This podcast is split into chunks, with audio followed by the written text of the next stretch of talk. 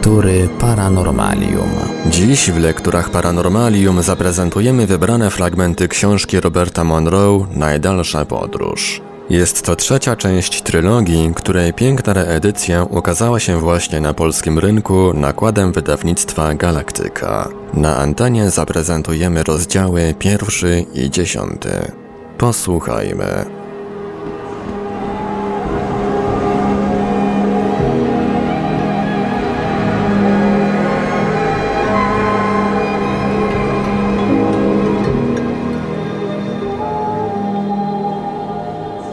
Zmienność.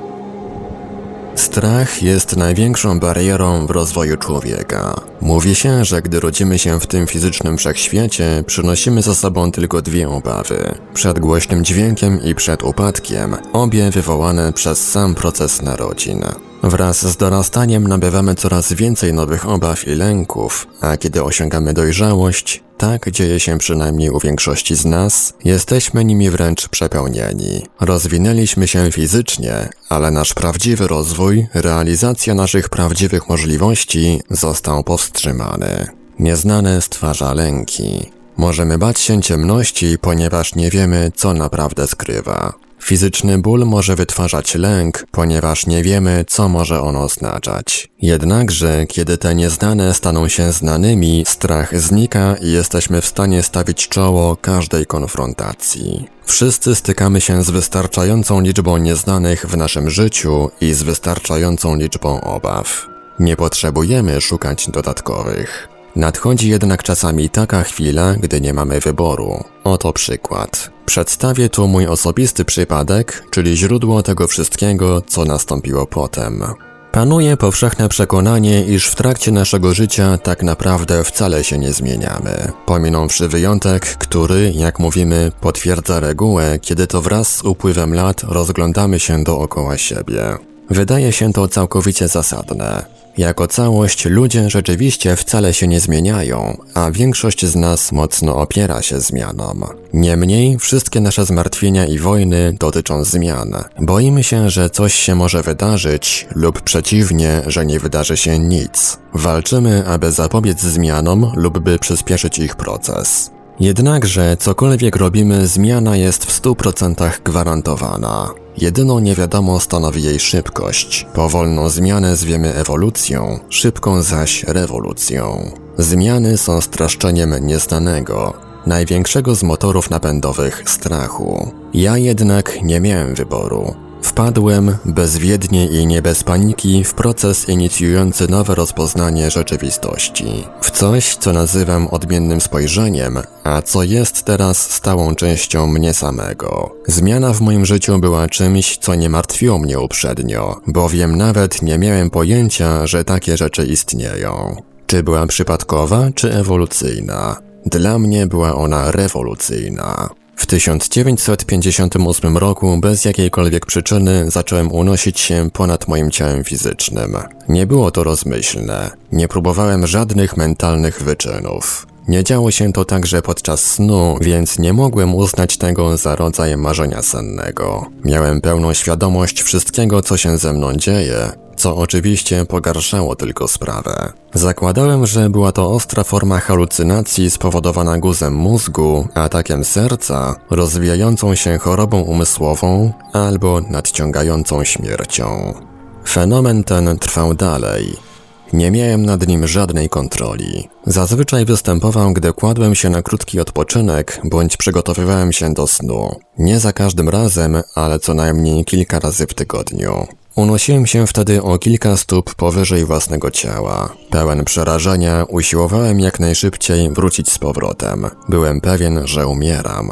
I chociaż starałem się na wszelkie możliwe sposoby, nie byłem w stanie powstrzymać tego zjawiska. Do tej pory sądziłem, że cieszę się stosunkowo dobrym zdrowiem, prowadząc życie wolne od stresów i nadmiernych napięć. Byłem osobą raczej zajętą. Posiadałem na własność kilka stacji radiowych i prowadziłem kilka innych interesów. Miałem biura na Madison Avenue w Nowym Jorku, dom w okręgu Westchester. Byłem żonaty i mieliśmy dwoje małych dzieci. Nie przyjmowałem żadnych lekarstw, nie zażywałem narkotyków, a ilość alkoholu, na jaką sobie pozwalałem, była doprawdy symboliczna. Nie przejawiałem też szczególnego zainteresowania jakąś konkretną religią, nie studiowałem filozofii ani żadnych technik medytacyjnych wschodu. Mówiąc krótko, byłem całkowicie nieprzygotowany na tak radykalną zmianę. Nie sposób opisać strachu oraz samotności, jakie wtedy odczuwałem. Nie było nikogo, z kim mógłbym o tym porozmawiać. Mojej żonie nie chciałem przysparzać niepotrzebnych zmartwień. Silnie związany z nauką i kulturą Zachodu, po odpowiedzi na trapiące mnie pytania zwróciłem się ku medycynie konwencjonalnej i przyjętej powszechnie wiedzy naukowej. Po wyczerpujących badaniach i testach, moi lekarze oświadczyli, iż w grę nie wchodzi nowotwór mózgu ani żaden inny czynnik natury fizjologicznej. Jednakże nie byli w stanie powiedzieć mi niczego więcej. W końcu zebrałem się na odwagę i porozmawiałem z psychiatrą i psychologiem. Obaj zaliczają się do grona moich przyjaciół. Pierwszy zapewnił mnie, że nie jestem psychotykiem, znał mnie bowiem bardzo dobrze. Drugi zasugerował kilka lat studiów u jakiegoś guru w Indiach, ale taka koncepcja była dla mnie nie do przyjęcia. Ani im, ani nikomu innemu nie wyjawiłem, jak bardzo się wtedy bałem. Byłem dziwolągiem w kulturze, którą podziwiałem i szanowałem i o której myślałem, iż stanowię jej część. Chęć przeżycia jest jednak niezwykle silna. Powoli, bardzo powoli nauczyłem się kontrolować ten proces. Stopniowo odkryłem, że niekoniecznie musi on stanowić preludium umierania i że można nim kierować. Jednakże musiał minąć cały rok, zanim byłem w stanie zaakceptować rzeczywistość doznań poza ciałem, dziś znanych powszechnie jako OB.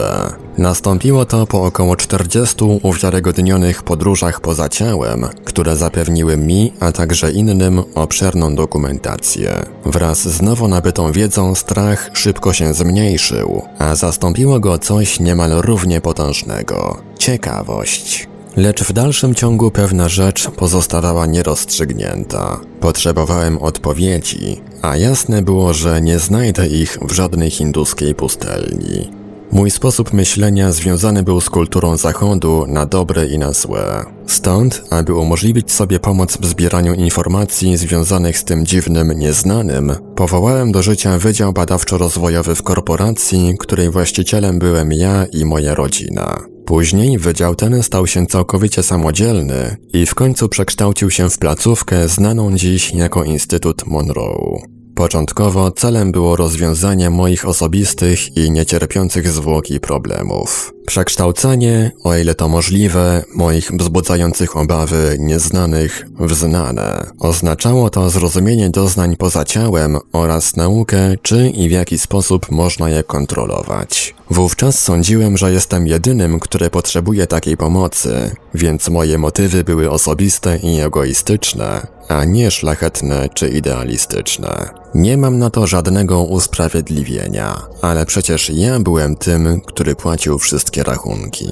Zgodnie z dzisiejszą wiedzą, OB jest stanem świadomości, w którym postrzega się samych siebie jako oddzielonych od własnego ciała fizycznego. Oddzielenie to może być rzędu 2 cm lub 2 mil, a nawet więcej. Można w tym stanie myśleć, działać i postrzegać mniej więcej tak, jak robi się to w ciele fizycznym, chociaż z kilkoma ważnymi wyjątkami. We wczesnych etapach aktywności OB odnosicie wrażenie, że forma waszego ciała fizycznego zostaje zachowana. Głowa, barki, ramiona, nogi itd.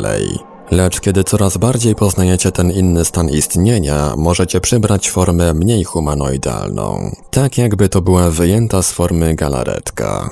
Przez chwilę zachowuje kształt formy, ale wkrótce zaczyna rozpuszczać się po bokach i w końcu przekształca się w coś przypominającego płyn. Jeżeli wydarzy się to w trakcie OB, wystarczy o tym pomyśleć, by natychmiast został całkowicie przywrócony ludzki kształt i forma. Z powyższego opisu jasno wynika, iż to drugie ciało jest niezwykle plastyczne. Jednakże jest to ważne, abyście wiedzieli, że jakikolwiek przyjmuje ono kształt, zawsze pozostajecie sobą. To się nie zmienia, chyba że odkryjecie, iż jesteście czymś więcej niż się wam do tej pory zdawało. Jeśli chodzi o to, dokąd się udajecie i co robicie, to wydaje się, że nie istnieją żadne ograniczenia.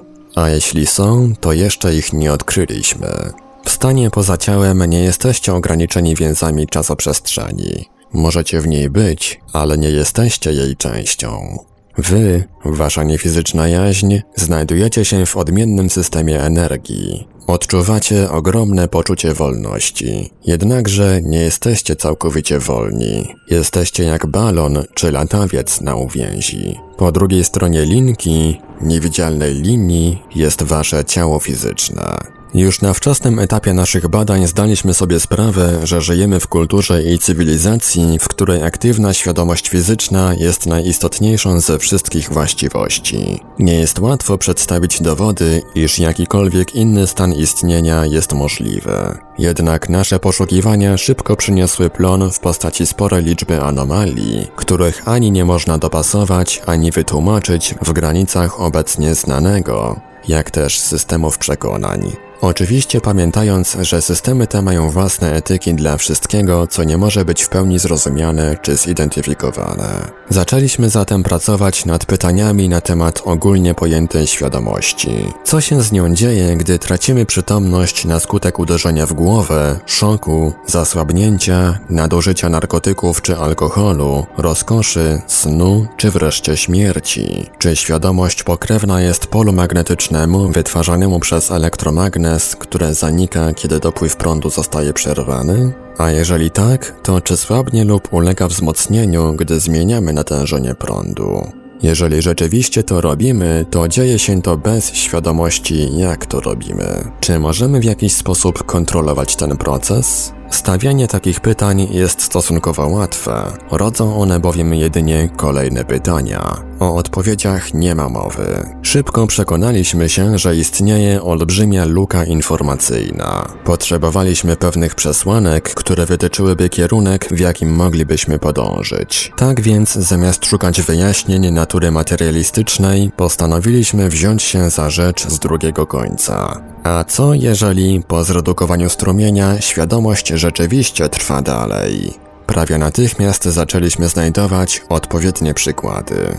Kiedy znajdujemy się poza ciałem, tracimy świadomość, a jednak jej nie tracimy. Nasza pamięć jest lub nie jest osłabiona. Część naszych zmysłów fizycznych funkcjonuje, a inne nie, i tak dalej. Nie posiadamy wtedy pełnej świadomości tak jak zwykliśmy o niej myśleć, więc nie uważamy tego stanu za realny. Panuje przekonanie, że jeżeli nie możemy poruszać naszym ciałem fizycznym lub też nie reaguje ono na bodźce, a także jeżeli nie jesteśmy w stanie komunikować się według przyjętych standardów, to nie jesteśmy świadomi w powszechnym rozumieniu tego słowa. Jednak wiele osób, na przykład znajdujących się w stanie śpiączki, w dalszym ciągu zachowuje świadomość. Po prostu nie mają one możliwości komunikowania się z nami fizycznie.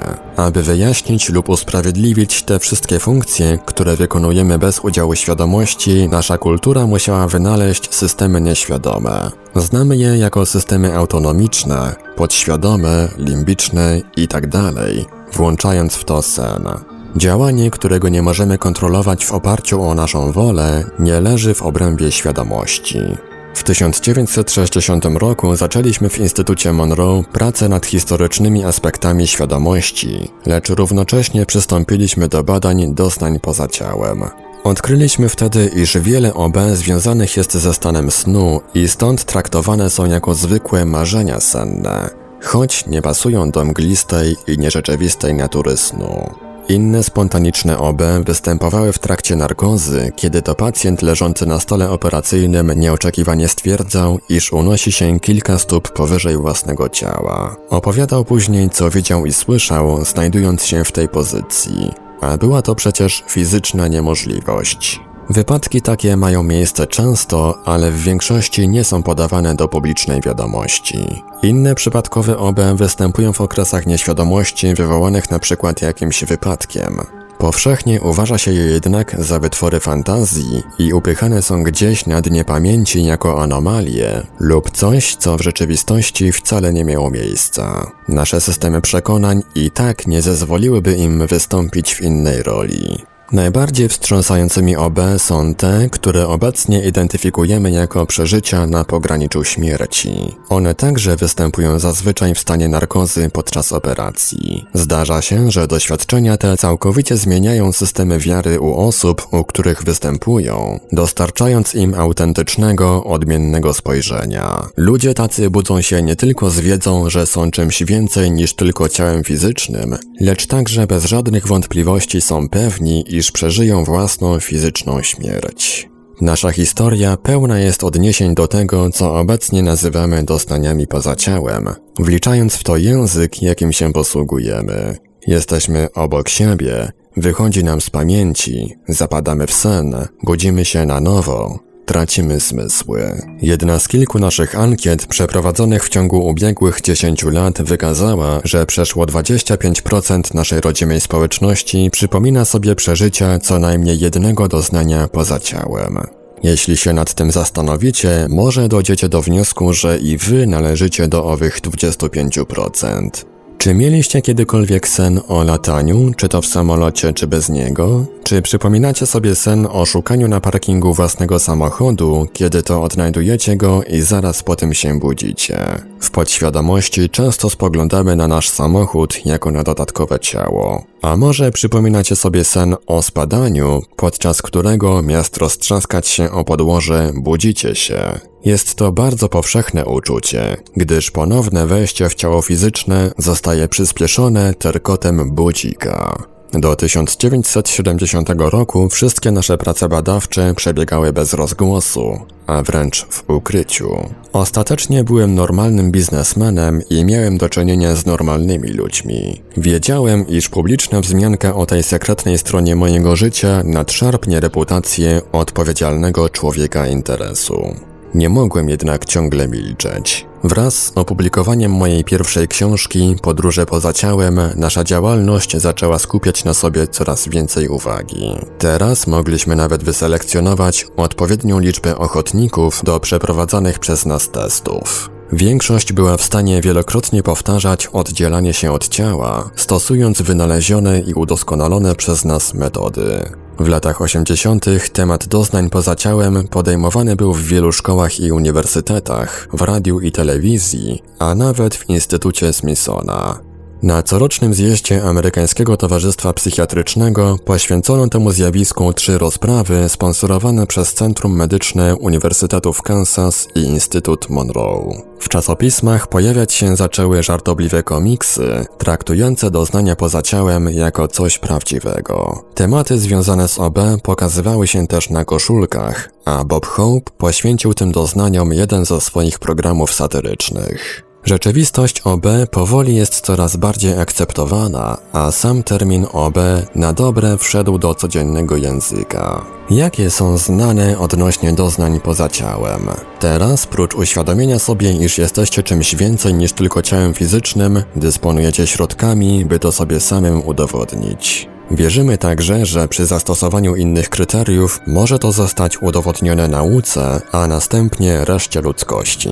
Jednakże, jeżeli chodzi o dowody, to nie ma innego sposobu ich uzyskania poza osobistym doznaniem takiego stanu.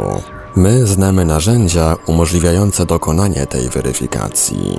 Kontrolowane doznania poza ciałem są najefektywniejszym sposobem na zgromadzenie znanych, umożliwiających w efekcie wytworzenie odmiennego spojrzenia. Co istotne, pomiędzy tymi znanymi znajduje się doświadczenie przeżycia własnej śmierci fizycznej. Czy istnieje lepszy sposób od OB na nabranie pewności w tej kwestii? Nie wiara, nadzieja czy przekonanie, lecz pewność. Tego nie wiemy. Faktem jest, iż wszyscy, którzy choćby w niewielkim stopniu doświadczyli OB, szybko nabierają takiej pewności. A w dodatku zachodzi to, czy nam się to podoba czy nie, bez względu na pozycję czy pracę wykonywaną w życiu fizycznym. Trwanie jaźni poza fizycznym istnieniem jest procesem naturalnym i automatycznym. Dziś należałoby się zastanowić, jak kiedykolwiek moglibyśmy być tak ograniczeni w naszym sposobie myślenia. Po drugie, największą przeszkodą na drodze do osiągnięcia przekonywających doznań poza ciałem jest bariera strachu. Strachu przed nieznanym i fizyczną śmiercią. Więź naszego umysłu ze środowiskiem fizycznym jest niezwykle silna. Dosłownie wszystko, o czym myślimy, wyrażone jest w kategoriach czasoprzestrzeni. Teraz jednak znaleźliśmy się wobec potrzeby przełożenia czegoś zupełnie obcego na coś zrozumiałego tutaj i teraz. Jedynym sposobem na złagodzenie tych obaw jest nauka procesu umożliwiającego samodzielne wywoływanie i przeżywanie OB. Musi się to jednak odbywać bardzo powoli, metodą małych kroków. Ułatwia to nowicjuszowi przyzwyczajenie się do niewielkich zmian i naukę w taki sposób, by zmiany te nie były niebezpieczne czy zagrażające życiu. Wraz z narastaniem liczby zmian pomagamy studentowi w stałym zachowaniu fizycznej świadomości. Utrzymany więc zostaje znany punkt odniesienia. Obawy stopniowo zostają rozproszone. Co najważniejsze, świadomy umysł obecny w stanie poza ciałem różni się od tego, jaki występuje w normalnej rzeczywistości fizycznej. Skupienie intelektualne i analityczne wydaje się tam nie występować, a przynajmniej nie w rozumianych przez nas kategoriach. Zmienia to dopiero przypływ fizycznej świadomości. Także emocjonalne skrajności prawej strony mózgu są tam często nieobecne i zazwyczaj o wiele trudniej je zaktywizować. Miłość nie jest uważana w tym kontekście za emocję.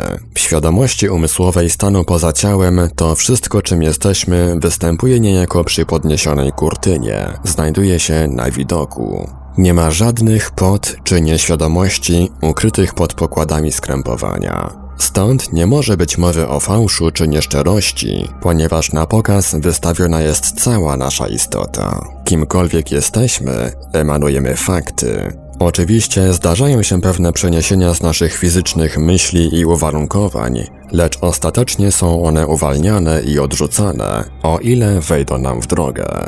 Być może równie ważne jest to, że znajdując się w stanie poza ciałem, uczymy się jak bardzo jesteśmy czymś więcej niż tylko ciałem fizycznym. Dokładna odpowiedź na pytanie po co i w jaki sposób istniejemy osiągana jest bez trudu, jeśli oczywiście mamy pragnienie i odwagę, by się tego dowiedzieć. Kiedy poszukujemy informacji, uzyskiwane odpowiedzi mogą się nam nie podobać, ale przynajmniej wiemy, iż są zgodne z prawdą. Jeżeli chcecie udowodnić samym sobie i nikomu innemu, iż przeżycie fizycznej śmierci jest możliwe, możecie nauczyć się przenosić do stanu poza ciałem, by odszukać przyjaciół, krewnych czy innych bliskich, którzy niedawno zmarli. Aby to osiągnąć, musicie dostroić się w waszej pamięci do tego, czym była ta osoba lub co sobą reprezentowała.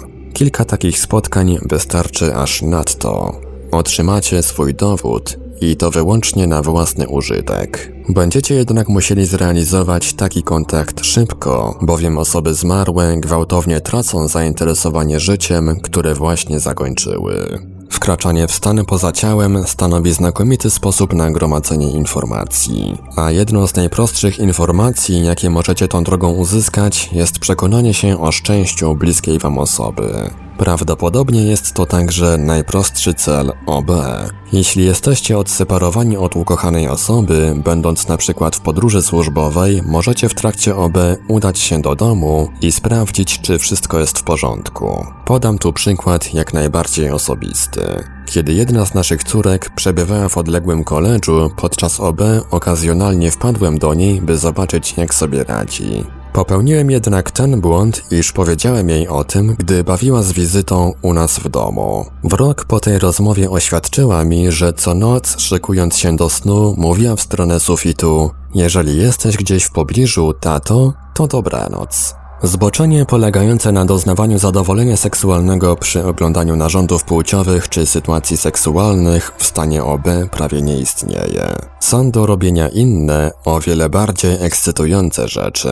Poprzez OB możecie wędrować wszędzie i w jakikolwiek czas. Przeszłość, teraźniejszość, przyszłość. Możecie udać się bezpośrednio do każdego wybranego miejsca i obserwować wszystko, co się tam dzieje. Możecie się po nim przemieszczać, obserwując akcje z różnych perspektyw. Nie możecie jedynie podnosić obiektów fizycznych. Wasze dłonie przejdą przez nie na wylot. Z taką swobodą możecie podążyć szlakiem wyznaczonym przez nasz instytut. Możecie udać się dokądkolwiek na Ziemi, do jej wnętrza, a nawet poza nią. Możecie spenetrować księżyc czy najdalsze zakątki systemu słonecznego. Jest to piękne i zarazem wzbudzające grozę, ale po pewnym czasie może stać się monotonne. W taki sposób ujrzeliśmy i poznaliśmy na przykład odwrotną stronę księżyca, zanim jeszcze próbniki NASA wykonały jej zdjęcia. To samo było z Marsem, gdzie szukaliśmy przedmiotów i struktur, które mogłyby być wykonane przez inteligentne istoty.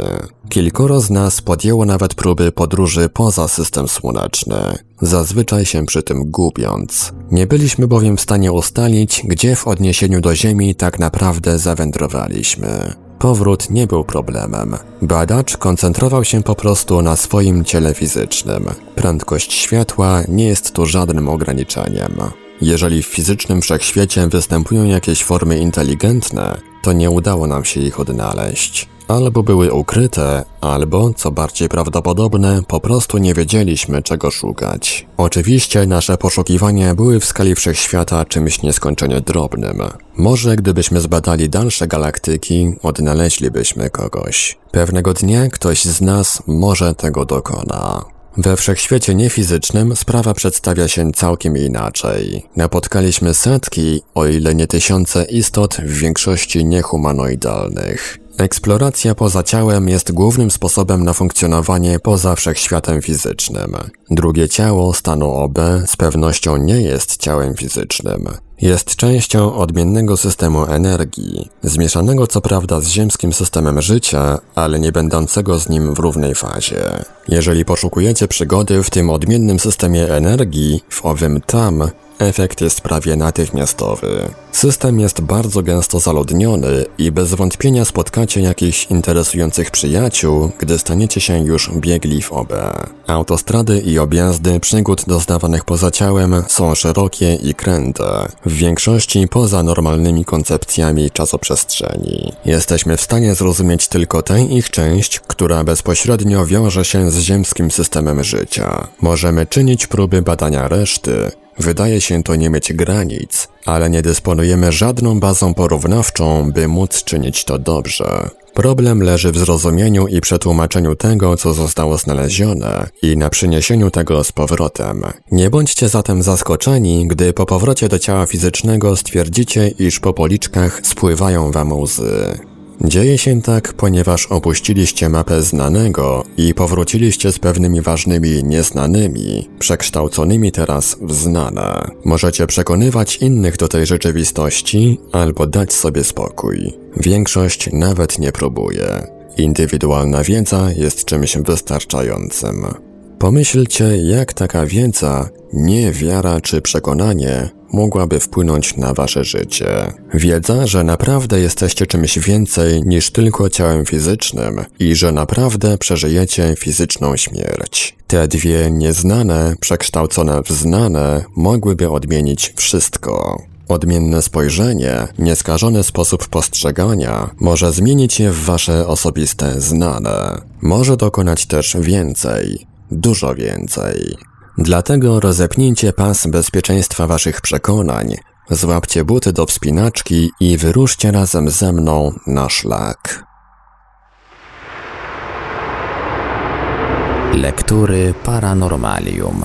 Rozdział 10. Nieproszona świta. Wkrótce to odpowiadanie na sygnały o pomoc za każdym razem, kiedy opuszczałem ciało fizyczne, zaczęło mi się jawić jako zadanie iście herkulesowe, a w dodatku nie był to najefektywniejszy sposób na zrobienie tego, co należało. Mógłbym spędzić całą resztę mojego fizycznego życia czyniąc wyłącznie to, lecz i tak moje osiągnięcia pośród całej masy tego typu sygnałów byłyby właściwie żadne. Powstałe w związku z tym pytanie brzmiało: dlaczego właściwie po tak wielu latach zostałem nieoczekiwanie wystawiony na odbieranie tych sygnałów? Było też inne pytanie. Dlaczego powodowały one zaburzenia w moim ciele fizycznym? Wyglądało na to, że większość, o ile nie wszystkie te sygnały pozostawały w obszarach poza międzystanem, za jaki przyzwyczaiłem się już go teraz uważać, stanowiących pierwszy etap dla tych, którzy zakończyli swoją fizyczną egzystencję, czyli innymi słowy umarli, jak my ludzie zwykliśmy to nazywać. Wiedziałem co nieco o tych obszarach, ale nie były mi zbyt dobrze znane. Potrzebna była dalsza eksploracja. Przystąpiłem do niej już następnej nocy, około trzeciej nad ranem, powoli i metodycznie. Czując się wypoczęty i odprężony, rozpocząłem odpowiednie fazowanie, wkraczając powoli w znajomą ciemność stanu poza ciałem, utrzymując równocześnie lewą część mózgu w pełnej gotowości. Po chwili znajdowałem się na początku międzystanu lub raczej na mojej rampie wejściowej do niego. Nagle, kiedy miałem już przekroczyć zawarte w nim obszary z wyraźnymi rampami wyjazdowymi, tak jak robiłem to zazwyczaj, nieoczekiwanie pociągnął mnie silnie jeden z tych dziwnych sygnałów. Niechętnie podążyłem za nim. Sygnał zawiódł mnie do miasta, potem do pojedynczego budynku, aż w końcu przyciągnął do sypialni w jednym z mieszkań średnio zamożnych właścicieli. Na fantazyjnym, prawdziwie królewskim morzu ujrzałem trzy całkowicie nagie osoby, dwóch mężczyzn i kobietę. Jeden z mężczyzn był w trakcie bardzo aktywnego stosunku z kobietą, podczas gdy drugi usiłował wcisnąć się pomiędzy nich, ale bez rezultatu. Przy każdej próbie przelatywał przez łóżko i lądował na podłodze. Wiedziałem, iż był on tym, który spowodował ten sygnał i zastanawiałem się, dlaczego nie przenika również przez podłogę. Zauważył mnie w trakcie następnego, któregoś już z rzędu cyklu wyłażenia z podłóżka i wdrapywania się na kopulującą parę. Wytrzeszczył na mnie w zdumieniu oczy, a jego sterczący w pełnej erekcji członek aż drżał z podniecenia. Kim ty do diabła jesteś? Powiedziałem, że nigdy mu się to nie uda. Równie dobrze może pójść razem ze mną. Co to znaczy, że mi się nie uda? Czekałem 10 lat, aby dobrać się do tej dupki i teraz z pewnością nie odpuszczę. Ponownie powiedziałem, że wysila się na próżno, że rzeczy mają się z nim teraz inaczej. A żebyś wiedział, że inaczej. Jestem teraz wolny. Nie wiem co się stało, ale jestem wolny. I jak tylko się o tym przekonałem, przyszedłem tutaj. Gdyby tylko przestała zabawiać się z samym, natychmiast bym się za nią zabrał. Zapytałem go, co sprawiło, że tak się teraz czuje. Och, to!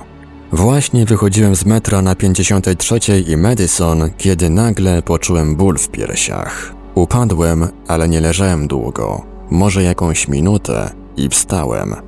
Człowieku, rzeczywiście czułem się inaczej. A właściwie to dlaczego mnie tak wypytujesz? Powiedziałem mu tak prosto, jak tylko potrafiłem, co się naprawdę stało. Jestem martwy? Do diabła z takim gadaniem, czy zachowuję się tak, jakbym był martwy? Przypomniałem mu o jego przenikaniu przez łóżko, kiedy to nie był w stanie dotknąć ani kobiety, ani mężczyzny. Spojrzał na swoje dłonie, a potem na swoje powielone ciało. Ale to wciąż jestem ja. Wciąż czuję się tak jak ja. I przecież wciąż działam jak ja.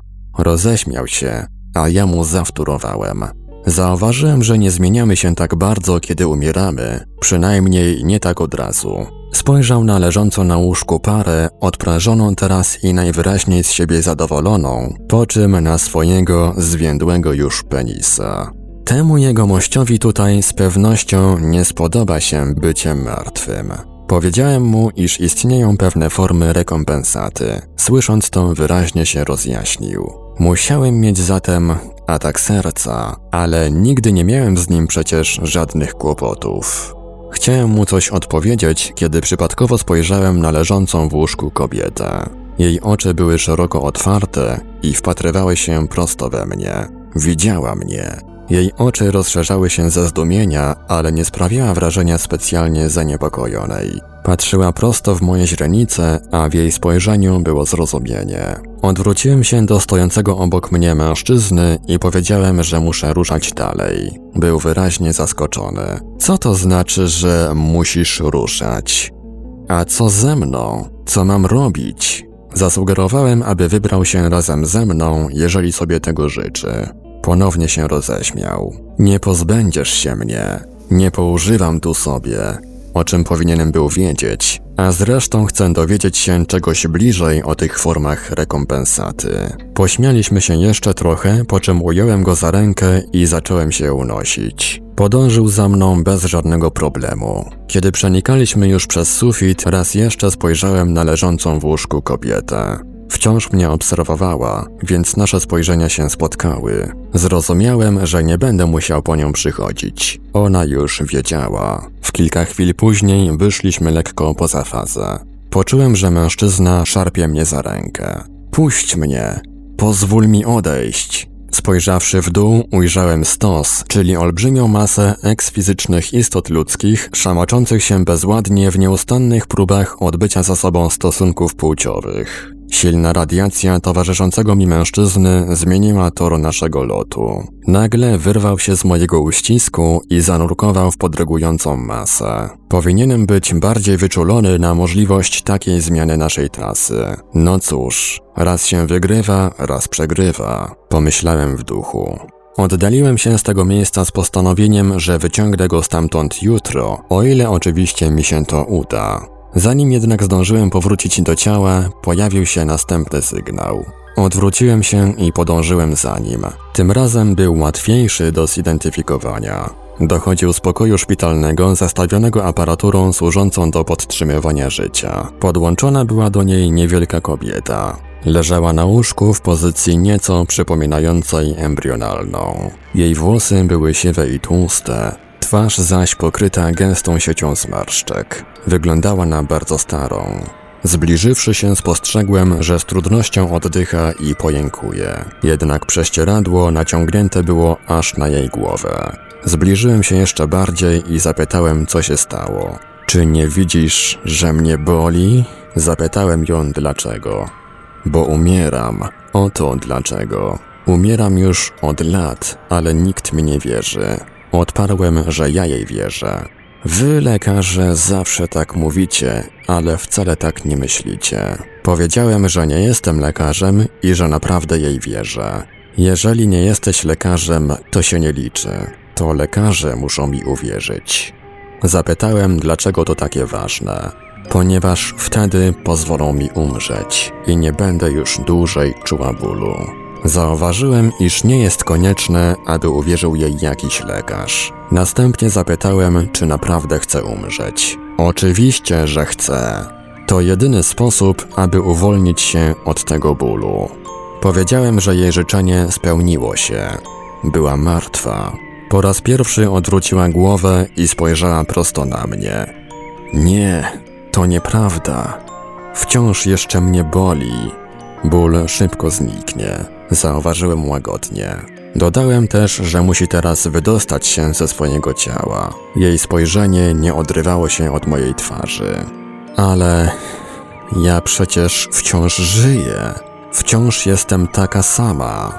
Powiedziałem jej, że bycie umarłym nie oznacza natychmiastowej zmiany.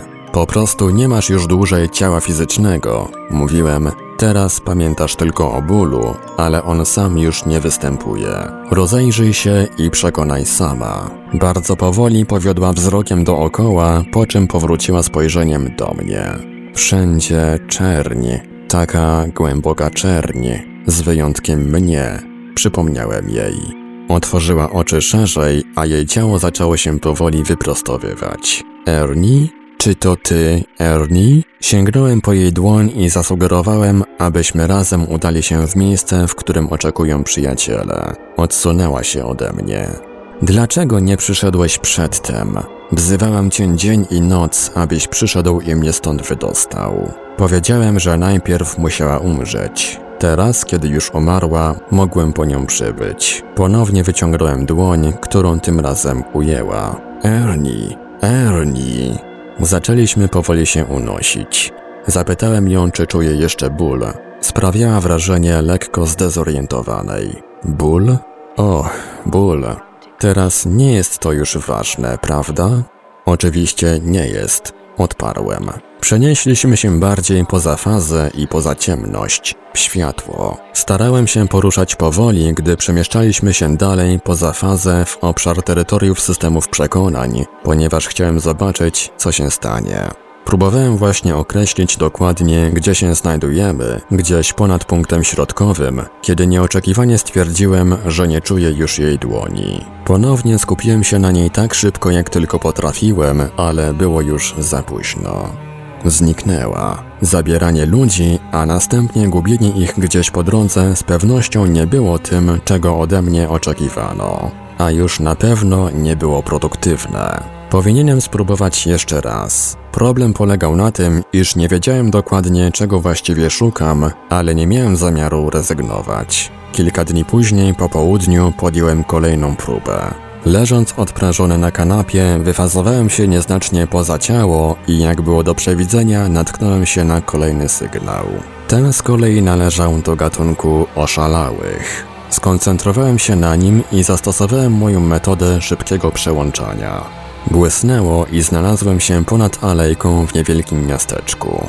Zacząłem rozglądać się, szukając przyczyny tego sygnału i szybko ją znalazłem prawie tuż pode mną. Ukrywał się za ustawionymi w tejże alejce kubłami na śmieci. Na pobliskiej ulicy stały pod kątem do krawężnika dwa policyjne radiowozy, migające czerwonymi i niebieskimi światłami. Na chodniku przed wejściem do sklepu leżała w kałuży krwi jakaś skręcona postać. Dookoła zaczął się już zbierać podniecony niezdrowo tłumek gapiów, powstrzymywany żółtą taśmą rozciągniętą dookoła miejsca wypadku. Skierowałem się bezpośrednio w stronę kubów na śmieci. Skulony za nimi chudy wyrostek nie mógł mieć więcej jak 17 lat, i nigdy nie będzie już starszy, a przynajmniej nie tym razem. Poprosiłem go, żeby wstał. Uczynił to powoli, niechętnie. Widziałem, że jest spięty i gotowy do natychmiastowej ucieczki, gdyby tylko trafiła mu się taka szansa. Skąd wiedziałeś, że tutaj jestem, człowieku? Odparłem, że chcę mu pomóc. Nie potrzebuję żadnej pomocy, a już na pewno nie ze strony jakiegoś cholernego gliny. Zapytałem go, dlaczego się właściwie ukrywa, skoro nie potrzebuje pomocy. Co to znaczy dlaczego? Ten dupek w sklepie wyciągnął gnata i zaczął z niego walić. Stwierdziłem, że nie musi już dłużej martwić się o to. Spojrzał na mnie posępnie. No jasne, bo zabierzesz mnie do pudła, no nie? Odparłem, że nie zupełnie. Nie musi już na nikogo napadać i nikt nie będzie do niego strzelał. Nie musi też przejmować się ewentualnym więzieniem. Wytrzeszczył na mnie oczy. Zwariowałeś, człowieku! Powiedziałem, że kula przeszyła skraj jego serca, co pozostawiło mu akurat tyle czasu, by wytoczył się ze sklepu i padł martwy na chodniku. Na jego twarzy odbiła się cała gama uczuć. Co za bzdury usiłujesz mi tu sprzedać? Jeżeli jestem martwy, to jakim do cholery cudem stoję tutaj i gadam z tobą? Wskazałem na ulicę za moimi plecami i zasugerowałem, by przyjrzał się samemu sobie. Spoglądając na mnie podejrzliwie, przesunął się bokiem na róg alejki i wyjrzał na ulicę. To, co zobaczył, sprawiło, że kompletnie o mnie zapomniał. W końcu odwrócił się, osunął do pozycji siedzącej i ukrył twarz w dłoniach. Wyczułem, że płacze. Przysunąłem się bliżej i delikatnie dotknąłem jego ramienia. Powiedziałem, że już czas ruszać. Uniósł głowę i spojrzał na mnie. To gliny są nawet i wtedy, kiedy już umrzesz? Uśmiechnąłem się i potrząsnąłem przecząco głową. Powiedziałem, że są lepsze miejsca, w których można przebywać od jakiejś bocznej alejki. Spojrzał na swoje dłonie. Wciąż pamiętam, jak upadając wyciągam je przed siebie, aby zamortyzować uderzenie o beton. A jeszcze przedtem pamiętam, jak wyciągam swojego gnata, a kasjer strzela do mnie z zalady. Nawet nie zdążyłem pociągnąć za spust. Miałem wrażenie, jakby ktoś rąbnął mnie łyżką do opon prosto w klatkę piersiową. Potem wyleciałem za drzwi i pamiętam, że padłem na chodnik. Prawie w tej samej chwili w mojej głowie rozległo się coś jakby głośne klik. Wtedy wstałem i wbiegłem w tę alejkę. Ale Właściwie to kim ty do cholery jesteś? Powiedziałem, że przysłał mnie jego wujek Ben. Roześmiał się. Ben? Ten stary pijalica? Przestań, on nawet nie wiedział, że tu jestem. Umarł, kiedy byłem jeszcze dzieciakiem. Już wiem, to jakaś nowa sztuczka, którą wy, gliniarze, wymyśliliście, żeby zmusić mnie do przyznania się. Daj spokój, człowieku, masz mnie zabrać, to zabieraj, ale skończ z tymi głupstwami, że jestem martwy. Powiedziałem, że jeżeli tak bardzo domaga się dowodu, to powinniśmy przyjrzeć się ciału leżącemu na chodniku. Na początku się opierał, ale w końcu przekonałem go, mówiąc, by schował się za mną, a w ten sposób nikt go nie zobaczy. Odwróciłem się, wyszedłem na ulicę i następnie z łatwością przeszedłem przez tłum. Wiedziałem, że chłopak posuwa się tuż za mną. Dotarliśmy na miejsce w tej samej chwili, co nadjeżdżający z przeciwka ambulans. Staliśmy bezpośrednio nad ciałem. Wszędzie dookoła widniała świeża krew, i obserwowaliśmy, jak sanitariusze przekręcają ciało na plecy, szukają jakichkolwiek oznak życia, a następnie układają trupa na noszach. Twarz zakryli prześcieradłem, lecz nie na tyle szybko, by chłopak nie zdążył się jej dobrze przyjrzeć. Wiedziałem zresztą, że on i tak będzie ją widział, czy będzie przykryta, czy też nie. Kiedy sanitariusze wtoczyli już nosze do ambulansu i zatrzasnęli drzwi, chłopak zaczął ponownie płakać. Delikatnie ująłem jego dłoń i począłem prowadzić go pod górę. Nie opierał się już. Po prostu szlochał niekontrolowanie, w miarę jak unosiliśmy się coraz wyżej i coraz bardziej poza fazę. Tym razem, kiedy zbliżyliśmy się do środkowych i górnych pierścieni, postanowiłem nie spuszczać go z oka. Cokolwiek miało się wydarzyć, liczyłem, że będę na to przygotowany. Ale nie byłem. W pewnym punkcie chłopiec po prostu zniknął. W jednej chwili był tutaj razem ze mną, a w następnej już go nie było. Nie pozostał nawet ślad radiacji. Gdziekolwiek się obróciłem, absolutna pustka. Cokolwiek robiłem, nie zachodziło to tak, jak tego oczekiwałem. Podejmowałem pewne działania, ale nie były one kompletne. Powracałem powoli, dopóki z powrotem nie znalazłem się w fazie z ciałem fizycznym, wciąż bez odpowiedzi. Istniała co prawda jedna wskazówka. Tej nocy było mniej takich przenikliwych sygnałów. Mój okres snu był spokojniejszy. Czyżby przyczyna i skutek? A może podążałem prawidłową ścieżką? Lecz nawet jeżeli była to prawda, moja lewa część mózgu gromkim głosem domagała się większej ilości danych. Z pewnością nie byłem stworzony do tego typu roboty. Wciąż ich traciłem. Nieoczekiwanie w kilka tygodni później objawiła się kolejna zmiana. Właśnie leżałem i odprężałem się, gdy nagle uderzony zostałem silnym sygnałem na, jak zrozumiałem, mojej własnej częstotliwości i to zanim jeszcze opuściłem ciało. Moje ciało fizyczne zareagowało silnym wrażeniem ciepła. Szybko wydobyłem się z ciała i podążyłem za sygnałem. Gdzieś ponad terytoriami systemów przekonań zawiódł mnie on w dół w stronę rampy wyjściowej, którą mogłem sobie jedynie uświadomić. Odnalezienie źródła nie zajęło mi dużo czasu. Radiacja systemu przekonań przedstawiła mi obraz stromego zbocza górskiego z gęstą, wilgotną dżunglą poniżej. Zastanawiałem się, dlaczego było to dla mnie takie czyste i prawdziwe. To zdarzało się niezmiernie rzadko. Zazwyczaj aktywność systemu przekonań w najlepszym razie jawiła mi się mgliście i niewyraźnie. Na krawędzi zbocza stała niska, dojrzała kobieta. Za nią znajdowało się około 50 lub 60 podobnych do niej kobiet i mężczyzn w różnym wieku. Wszyscy byli humanoidalni, ubrani w zwierzęce skóry i mieli grube, przypominające neandertalczyków rysy twarzy. Rozum natychmiast zapragnął wiedzieć, dlaczego przyciągnięty zostałem do tego akurat systemu przekonań. Odpowiedź była oczywista. W jakimś czasie był on częścią mnie. Scena ta wywołała z mej pamięci coś, co nazywałem czarem tropikalnego Pacyfiku, który tłumiłem w sobie przez całe moje życie. Zew oceanu był obecny w moich wyprawach łodzią żaglową i w nurkowaniu z aparatem tlenowym. Następnie był weekend na Hawajach, który przeciągnął się aż na trzy tygodnie. Trzytygodniowa wycieczka do Ekwadoru, gdzie zostałem na trzy miesiące i prawie podjęcie stałej pracy w tropikach. Wszystko, co związane z tropikami, zawsze wywoływało u mnie natychmiastową nostalgię. Kiedy usadowiłem się na szczycie zbocza obok kobiety, grupa za nią cofnęła się gwałtownie i zasłonięła oczy. Odwróciłem się w stronę kobiety, która wpatrywała się we mnie, jak gdyby mnie szacując. Zastanawiałem się, czy moglibyśmy się jakoś porozumieć. Na tę myśl kobieta uśmiechnęła się. Przybyłeś.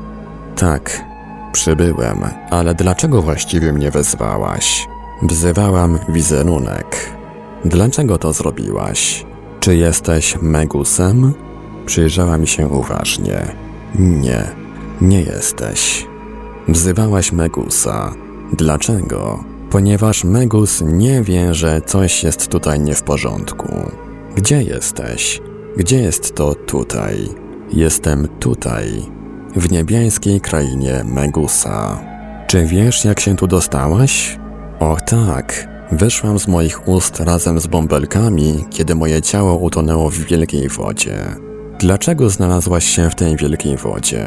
Tak stanowi prawo wobec kobiety, która jest bezpłodna, a potem dostałaś się tutaj. Tak, ale coś jest nie w porządku. Nie w porządku? Z tobą czy z innymi? Potrząsnęła głową. Ze mną.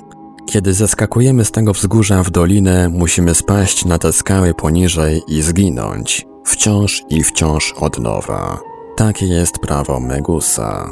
Kto to jest Megus? Megus jest bogiem nieba. Przybył do nas wiele słońc temu i opowiadał nam o swojej niebieskiej krainie.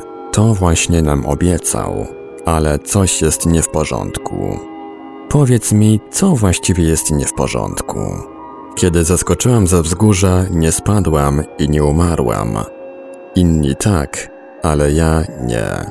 Po prostu uniosłam się w powietrzu. Wzbiłem się powoli w górę i zatrzymałem tuż powyżej jej głowy. W taki sposób? Ty jesteś Megusem, teraz już wiem. Pomóż mi dopełnić Twojego prawa. Pomóż mi spaść tak, abym mogła umrzeć i żyć jeszcze raz. Wyciągnąłem do niej rękę. Nie jestem Megusem, ale mogę Ci pomóc. Takie unoszenie się w powietrzu może być czymś dobrym. To nowe prawo. Chodź i spróbuj sama. Pochwyciła moją rękę obiema dłońmi i powoli unieśliśmy się w górę. Struktura systemów przekonań zaczęła gwałtownie blednąć, kiedy zbliżaliśmy się do międzystanu i zniknęła zupełnie, kiedy przekroczyliśmy rampę wejściową. Gdy zmiana była wskazana, przesunąłem nas bardziej poza fazę, obserwując i równocześnie uspokajając moją neandertalską przyjaciółkę. Właściwie to nie była zaniepokojona, ale wyraźnie czegoś oczekiwała. Zastanawiałem się, dlaczego zdawałem się odczuwać taki przymus w moim schemacie ratunkowym, kiedy oczekiwane nieoczekiwanie wydarzyło się ponownie. Kobieta zaczęła blednąć i na moich oczach rozpłynęła się w nicość. Tym razem zaakceptowałem ten fenomen bez zbędnych pytań, chociaż zastanawiałem się, dlaczego spośród tylu innych odebrałem akurat jej sygnał. Będąc już sam, powoli przesuwałem się obok innych ramp wyjściowych z niejasnym wrażeniem, iż są mi one znajome. Wiedziałem, że w pewnym punkcie odległego czasu odwiedzałem każdą z tych ramp i byłem częścią każdego systemu przekonań, do którego prowadziły. Teraz nie wiedziałem jednak powodu, aby ponownie przechodzić przez coś, czego już doświadczyłem i z czego przypuszczalnie wyrosłem. Chociaż czułem, że potrzebuję pomocy, to jednak nie zwróciłem się po nią do moich fizycznych przyjaciół, lekarzy czy psychiatrów. Zamiast tego, kilka tygodni później zrobiłem to, co by mi z pewnością zalecili. Po trzech cyklach snu, jakieś 4,5 godziny, obudziłem się wypoczęty, odprężony i w pełni czujny około trzeciej nad ranem. Zastosowanie techniki szybkiego przełączenia, wyjścia poza fazę ciała fizycznego i skierowanie się ku jednemu z moich przyjaciół z okresu jeszcze przed poznaniem inspeka wydawało się absolutnie łatwe. Lekka wibracja i już tam będę. Okazało się, że nie było to wcale takie łatwe. Gdzieś głęboko w terytoriach systemów przekonań dotarł do mnie silny i natarczywy sygnał. Starałem mu się oprzeć, lecz ku memu wielkiemu zaskoczeniu jakaś część mnie przezwyciężyła ten opór. Po ustabilizowaniu się stwierdziłem, iż leżę na kanapce w rogu niewielkiego pokoju. Podciągnąłem się do pozycji siedzącej, a następnie wstałem. Miałem wrażenie, że wciąż znajduję się w ciele fizycznym lub w dobrej kopii takowego. Czułem się całkowicie normalnie. Po drugiej stronie pokoju znajdowały się zamknięte drzwi. Dobiegało za nich silne brzęczenie. Otworzyłem je i wszedłem. Tuż za nimi była ciemność. Dalej widziałem jaskrawo oświetlony obszar, spoza którego dochodził ten brzęczący dźwięk. Tworzyło go wiele ludzkich głosów. Nie śpiewały, lecz po prostu harmonicznie brzęczały. Czując na ramieniu dotyk czyjejś dłoni, odwróciłem się. Obok mnie stała kobieta. Piękna, w niemożliwym do określenia wieku, bardzo znajoma. Jej twarz i oczy promieniały radością. Czekałam na ciebie. Wiedziałem, że przybędziesz, jeżeli wszyscy zbierzemy się tu razem jako jedność. Chodź. Wyprowadziła mnie z ciemności w światło. Potem cofnęła się. Brzęczenie zaczęło stopniowo tracić na sile. Na samym skraju światła widniały wpatrzone we mnie twarze. Na ile mogłem dostrzec, było ich kilka setek. Oczekiwały na coś. Radiacja, którą znałem jako miłość, była wprost przytłaczająca. Stałem nieruchomo, niepewny zarówno samej sytuacji, jak i tego, czego ode mnie oczekiwano. Nagle, kiedy wciąż stałem, kontrolę przejęła inna część mnie i odprężyłem się. Ta inna część zaczęła mówić. Nie miałem pojęcia, że jest nas tak wielu.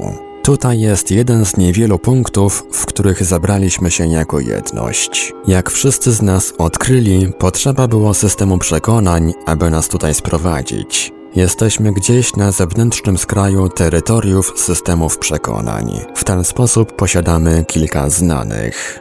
Że jesteśmy i możemy być tutaj że nie potrzebujemy fizycznego ciała, aby istnieć i być. Już to samo uwolniło nas od przymusu i ograniczeń, jakim wszyscy podlegamy podczas naszych pobytów na Ziemi. I chociaż w każdym z nas pozostało po kilka przekonań, możemy uwolnić się od nich zgodnie z naszą wolą. Teraz budzimy się ze snu. Ważnym znanym jest to, co zgromadziło nas razem że nie tylko jesteśmy czymś więcej, aniżeli tylko naszymi ciałami fizycznymi, ale także możemy być wolni od wszystkich przekonań powstałych w związku z życiem na Ziemi, bez żadnych wyjątków. Wolność ta jest bardzo emocjonująca, ponieważ nie mamy teraz żadnych ograniczeń. To znane, bez żadnego lęku, oferuje nam pełen zakres wyboru. Moja rola jest następnym znanym. Nie jest to rola przywódcy. Przywództwo nie jest konieczne w starym sensie tego słowa. Być może moją rolą była i wciąż jest rekrutacja. Chociaż według mnie rola zwiadowcy, zbieracza informacji czy tropiciela wydaje się tu pasować o wiele bardziej. Taki był mój schemat przez tysiące ziemskich lat i wcieleń. Teraz wydaje się, że w końcu znaleźliśmy się w punkcie urzeczywistnienia. Kiedy spotkamy się ponownie, rozpocznie się ruch uwzględniający różne opcje. Miłość, jaką dzielimy, jest największą ze wszystkich znanych. Moje ja tam, owo JT, które ma każdy z nas, zawierające wszystkie poprzednie i obecne wcielenia, ruszyło ku górze, a ja uniosłem się z podłogi i przepłynąłem powoli ponad morzem twarzy zwróconych ku górze. Gdzieś z głębokiej nicości wysunęło się ramię, a jakaś dłoń pochwyciła moją.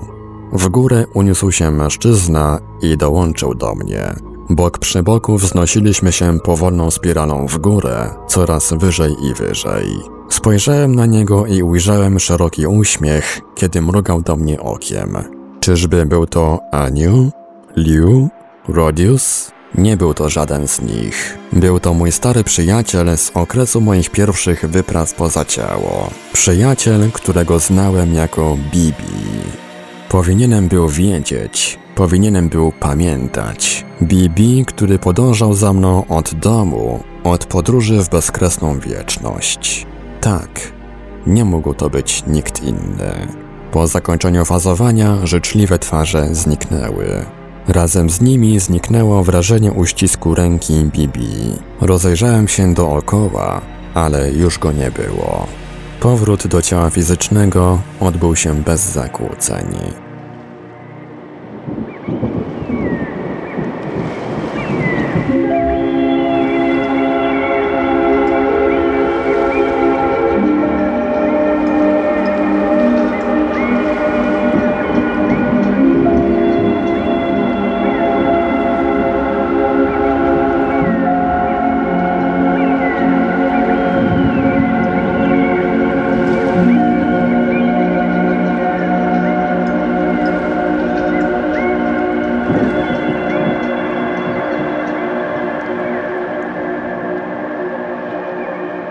Radiu Paranormalium zaprezentowaliśmy wybrane fragmenty książki Roberta Monroe Najdalsza podróż. Jest to trzecia część trylogii, której piękna reedycja ukazała się właśnie na polskim rynku nakładem wydawnictwa Galaktyka. Książkę można nabyć na stronie wydawnictwa Galaktyka pod adresem www.galaktyka.com.pl, a także w dobrych księgarniach i sklepach internetowych. Archiwalne odcinki Lektur Paranormalium znajdziesz do pobrania w archiwum naszego radia na stronie www.paranormalium.pl.